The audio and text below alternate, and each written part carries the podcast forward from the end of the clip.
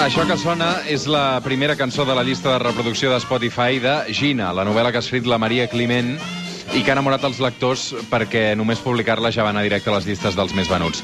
Gina és un llibre amb una banda sonora que parla de la vida perquè parla de com conviure, de l'amor, de l'amistat, de la salut, de la maternitat i, en definitiva, també de fer-se gran. Maria Climent, què tal? Bon dia. Bon dia. Com anem? Molt bé, molt bé. Um, on ets ara mateix, Maria? Ara mateix estic al meu pis d'Amposta. Amposta, fase 1. Com? Fase 1, Fa- fase 1, sí, sí. Sí, és una mica com estic, estic al futur, no? Estàs al futur, exacte. Com us ha anat aquests dies? Pues bueno, jo la veritat és que no he trobat massa, massa canvi. Tampoc és que hagi arriscat molt. Vull dir, encara no he anat a cap bar. He fet bàsicament No. el mateix. Ni un vermut? Uh, no, no he anat a fer un vermut. El que sí que he fet, per a no enganyar-vos, és uh, que ahir la nit vaig fer... Bueno, vaig anar a sopar a casa de ma mare, Ah, Però, Que- això està, però això està prohibit? Bueno, teòricament... No, no, no. No, No, això és permès. no, amb dos metres de claro. distància social és permès, sí. No, el que passa... O sigui, ara te pots reunir en grups de fins a 10 persones a domicilis, no? Mm. Sí, sí, sí, sí. Llavors, Pues, pots fer sopars de grup que, vaja, jo ni, ni, ni al meu aniversari faig un sopar de 10 persones a casa, també t'he dit. També has de tenir Però- un pis a, a, a, amb les dimensions adequades per fer-hi encabir 10 persones i que mantinguin la distància social. Ja, bueno, és que això és una mica impossible. És impossible, sí. Um, I com tenim l'Ebre? pues no sé què deu quedar de l'Ebre, perquè la veritat ha pegat un parell de llevantades guapes estos dies Mm. i, i, bueno, es va tornar a, a desaparèixer la barra del trabucador que havien estat intentant arreglar i no ho sé, quan puguem anar a la platja no, no sé què en quedarà. Heu empalmat amb el Glòria, que també uh, Sí. aquí, aquí baix uh, va patar fort la cosa, no? Sí, sí, va fer malesa, vull dir, va fer malesa i, i per una vegada que, que es parla de l'Ebre d'intentar posar solucions que siguin una mica definitives, um, doncs, bueno, després ve la gran pandèmia i ho eclipsa tot. Llavors, una mica la nostra línia, no? Uh, Maria, abraçades a la fase 1 encara no en podeu fer, no? Um, no, no, no, menys en qui t'has confinat, Això és Però veritat. sí, però- Això és veritat. però Mhm. sí. Uh, clar, veure una mare uh, i no poder-la abraçar malgrat sopar amb ella deu ser complicat, no? Bueno, el que passa és que jo t'explico. Jo em vaig confinar amb ma mare Ah, Ah, des del primer dia. Llavors, he estat fins al principi de la fase 1, que ja podem visitar-nos. Ah, llavors m'he anat al meu pis esta setmana. Que, perquè, clar, jo vivia tot sola, ma mare vivia tot sola, i van dir, bueno, això de confinar-nos pues, se farà llarg. No sabem si durarà una setmana o tres mesos, i llavors jo me'n vaig anar a casa de ma mare. I Mm. vam passar el confinament juntes. I ara, al passar la fase 1, jo me n'he anat a, al meu pis, perquè mm, vull dir, un pis que, en què no, hi ha, no viu ningú més. I, i ara pues, ja pues, me, ma mare i jo mos podem visitar i com que hem passat el confinament juntes, si convé abraçar-nos, en algun moment mos abracem. uh -huh. uh, estàs aprofitant per llegir, per escriure aquests dies, Maria? Pues uh, ho intento, ho intento. M'estic llegint eh, el llibre de Com és fer una noia, de Kelly Moran, que m'està agradant moltíssim. I, i bueno, i lo d'escriure vaig fent, el que passa és que també te penses que, bueno, que sí, el confinament és un temps perfecte per escriure, que va, perquè tens el cap a mil llocs menys on l'has de tenir. No? Et costa concentrar aquests dies. La veritat és que sí. On tens el cap? Oh, en tinc el cap. Where is my mind, no? Com és una altra cançó. Això pregunto jo. cançó. Sí. Um, bueno, doncs a les notícies, bàsicament. Estic sobreinformada. I, Mm. Ets d'aquestes. i Una mica Twitter. Sí, la veritat és que sí. També arriba un punt, això també em va passar en el procés, eh? que, que durant mesos aguantes com un nivell d'informació i de cop un dia vaig dir prou, no vull ser res més. Perquè, perquè al final t'a- t'acaba com afectant eh, aquí amb la pandèmia encara no estic en aquest punt, però sí que és veritat que al principi em passava tot el dia amb Twitter a una mà i la tele encesa i la, i, i la ràdio, i, i ara ja, bueno, sí, intento mirar telenotícies una vegada al dia i, i Twitter m'ho estic racionant, perquè si no, uh, no, no, no, no hi ha més vida, saps? Som al suplement, som a Catalunya Ràdio, aquesta que sentiu és la Maria Climent. Ella és l'autora de Gina, una novel·la que comença així. La vida és una successió d'esdeveniments inevitables i d'esdeveniments evitables que pel que sigui no s'han evitat o que fins i tot s'han buscat, amb tot el que això comporta. Aquest amb tot el que això comporta eh, és perquè està escrit en ebrenc, no? Que això, eh, els que som de Barcelona o el Vallès, clar, eh, no ho diem. Ja. Sí, sí, el llibre està tot en ebrenc. Sí. Si el fullegeu ja de seguida es veu. Eh, això no estava clar al principi, crec, per això, no, Maria? Vull dir que ho vas acabar decidint eh, amb una gestió també amb l'editorial, no? Sí, jo al principi havia escrit uh, la veu narradora en un català estàndard i, i només parlava en ebrenc els personatges que eren d'allà o quan la Gina parlava amb personatges d'allà. Però llavors uh, l'Eugènia Broix i la meva editora va dir bueno, si la Gina també és d'allà, perquè tindria més sentit que la veu narradora també, també fos d'allà. I, clar, jo vaig pensar, pues sí, perquè uh, clar, té tot el sentit. El que passa és que jo necessitava com a, que una autoritat per a mi, com l'Eugènia Brogi, me donés permís per a, per a fer una cosa així de transgressora, no? Aquí deies, la vida és una successió d'esdeveniments inevitables i d'esdeveniments evitables que pel que sigui no s'han evitat o fins i tot eh, s'han buscat amb tot el que això comporta. Tu creus en el destí? Mm, No, no, no ho sé, no crec especialment en el destí. El que aquí apunto és que, és que al final estem fets de decisions, no? I la vida és una successió de decisions que prenem o no prenem i a vegades no sabem per què les prenem i, i cada decisió té unes conseqüències, no? Mm -hmm. La novel·la parteix d'un moment eh, potent, que és que els metges diagnostiquen a la Gina, la protagonista, eh, doncs una esclerosi múltiple, i, i amb aquest eh, diagnòstic doncs li pregunten de seguida si vol, eh, que si vol tenir fills ho hauria de fer eh, de manera immediata, no? Um, entenc que hi ha molta molt punt d'auto- d'autobiografia amb tot això, no, també, uh, Maria? Sí, bueno, això és una, és una pregunta que sempre em fan i, i sempre contesto el mateix, que és, que és la veritat, no? Que és que a mi, uh, bueno, este, esta novel·la parteix d'esta premissa, que és una cosa que a mi em va passar, no? Esta, esta premissa en concret, després aquí comença una història de, de ficció, una trama vertical que és ficció, però sí que és veritat que a mi, eh, en cert moment de la vida, els neuròlegs em van dir, mira, si vols tenir fills, tingue'ls ara, perquè tant de el tractament els altres tractaments no són compatibles amb l'embràs. I, i jo vaig pensar, os, ostres, no?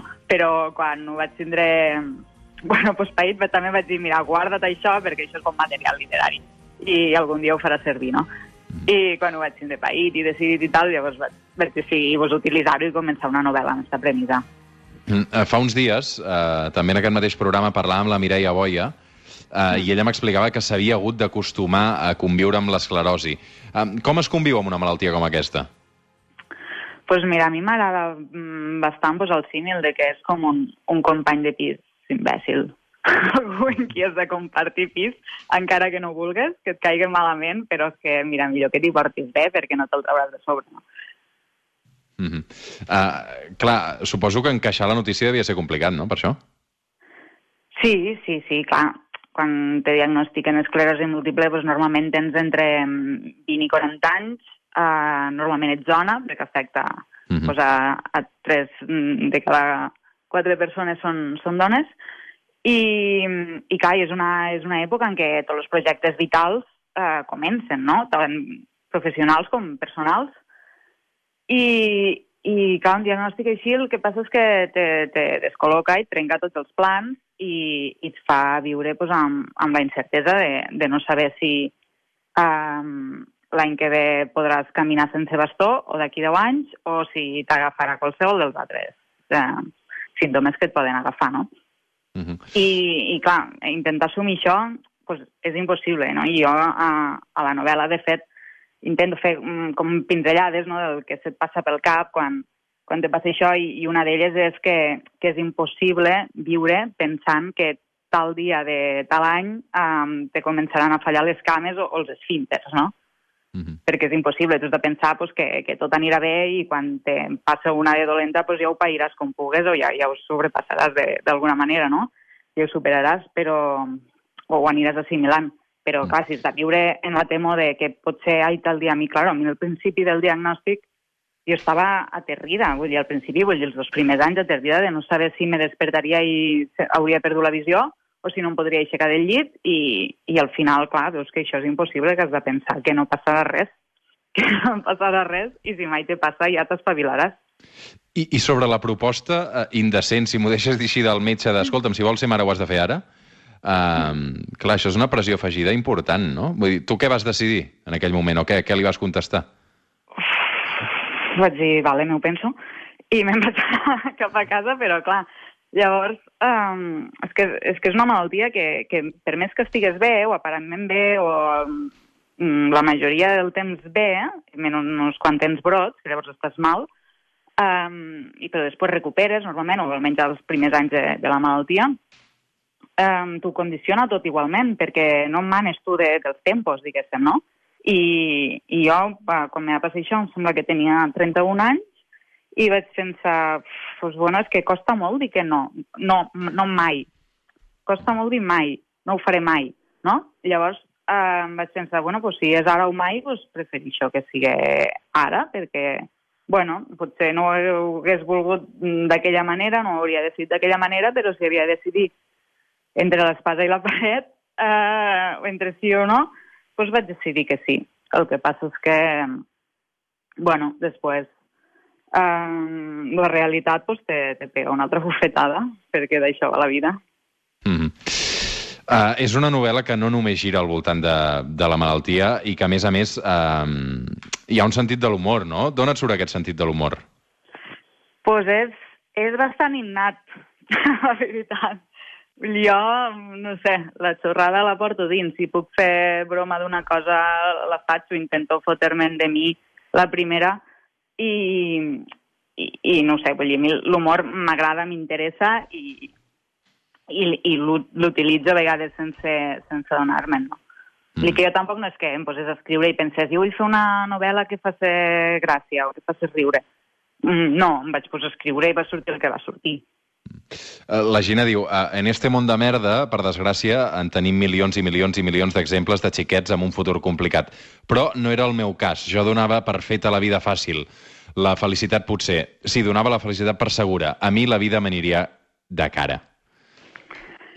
Sí, bueno, això era um, la Gina intenseta de 19 anys, que, que era pues, ja conscient que, que era una privilegiada per, pues, per haver nascut a blanca, de classe mitjana, no tenia per què anar-li res malament, no? I llavors estava ja com molt preocupada per prendre males decisions. I si la vida em va malament tenint-ho ja tot de cara, serà només perquè he pres males decisions. I, i, bueno, i això la, la porta a demanar ajuda a una psicòloga. Perquè diu als seus pares, vosaltres no em podeu ajudar, jo necessito ajuda i vosaltres no em podeu ajudar. No? I, I total, que, que això ho diu als 19 anys quan encara no té problemes de veritat, no? I després ella n'acaba dient que allò eren les, les pors felices. I, i d'aquest procés n'aprèn molt, perquè a, acabes dient com més cicatrius em deixo, uh, més m'estimo el meu cos, no? Hmm. Sí, clar, això és una reflexió que parteix pues, de, de, després de... Bueno, uh, perquè el tractament per a l'esclerosi, mm, en molts casos el primer tractament són, són injeccions, no? I són unes injeccions que, que et deixen marca, et van fent senyal i de fet jo tinc la panxa pues, plena de, de cicatrius d'aquestes punxades no? que m'he anat posant durant sis anys seguits fins que va arribar un moment que ja el cos no, no em podia assumir més, més líquid no? d'aquestes injeccions. I, i claro, i era curiós com pues, veure com te vas deixant de xorrades de dir, ostres, jo als, als 19 anys quins pocs problemes tenia, no? I, i quines manies tenia, i ara tinc el cos ple de cicatrius i no. I m'agrada ensenyar-les perquè pues, al final són part del que, del que he viscut, no? Mm -hmm. Som al Suplement, som a Catalunya Ràdio. Aquesta que sentiu és la Maria Climent, eh, l'escriptora d'una novel·la que es titula Gina. Cada vegada estic més convençuda que les converses curen, que les dones xerrem entre natros sense més fi que xerrar, per buidar-nos d'angoixa per l'alegria de saber de l'altre.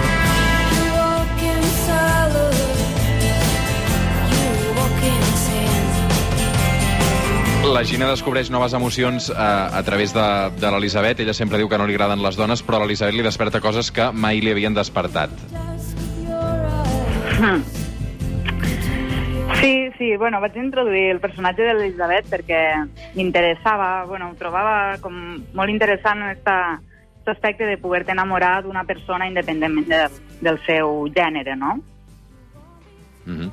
uh, I en aquest cas uh, doncs pren aquest, uh, aquest protagonisme. Um, també últimament uh, veiem moltes més històries uh, protagonitzades per dones, no? La setmana passada també a aquesta hora uh, saludava l'Eva Baltasar, que havia escrit uh, Boulder després de, de Parmagel, amb, amb unes novel·les on, on les dones sempre tenen molt, molt protagonisme. Um, tu tens ganes de continuar escrivint uh, amb les dones al centre d'atenció? Um, bueno, és que saps què passa? Que jo sóc una dona i veig el món des del punt de vista d'una dona, no? I, i, I no sé com seria per ell des del punt de vista d'un home. Uh, llavors, t'haig de dir que no sé, no sé quina forma prendrà el següent llibre, ni si serà en, en ebrenc o no.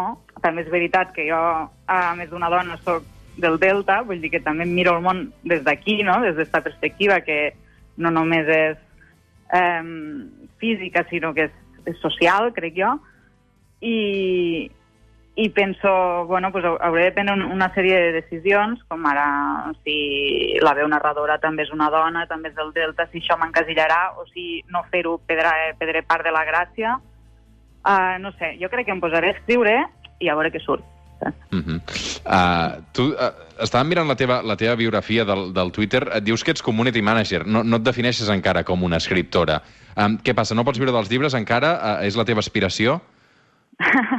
tant de bo, tant de bo pugues viure dels llibres, però no, no, a mi el que em dona, me dona diners per a, per a mantindre'm, per a viure, pues, és portar xarxes socials per a empreses.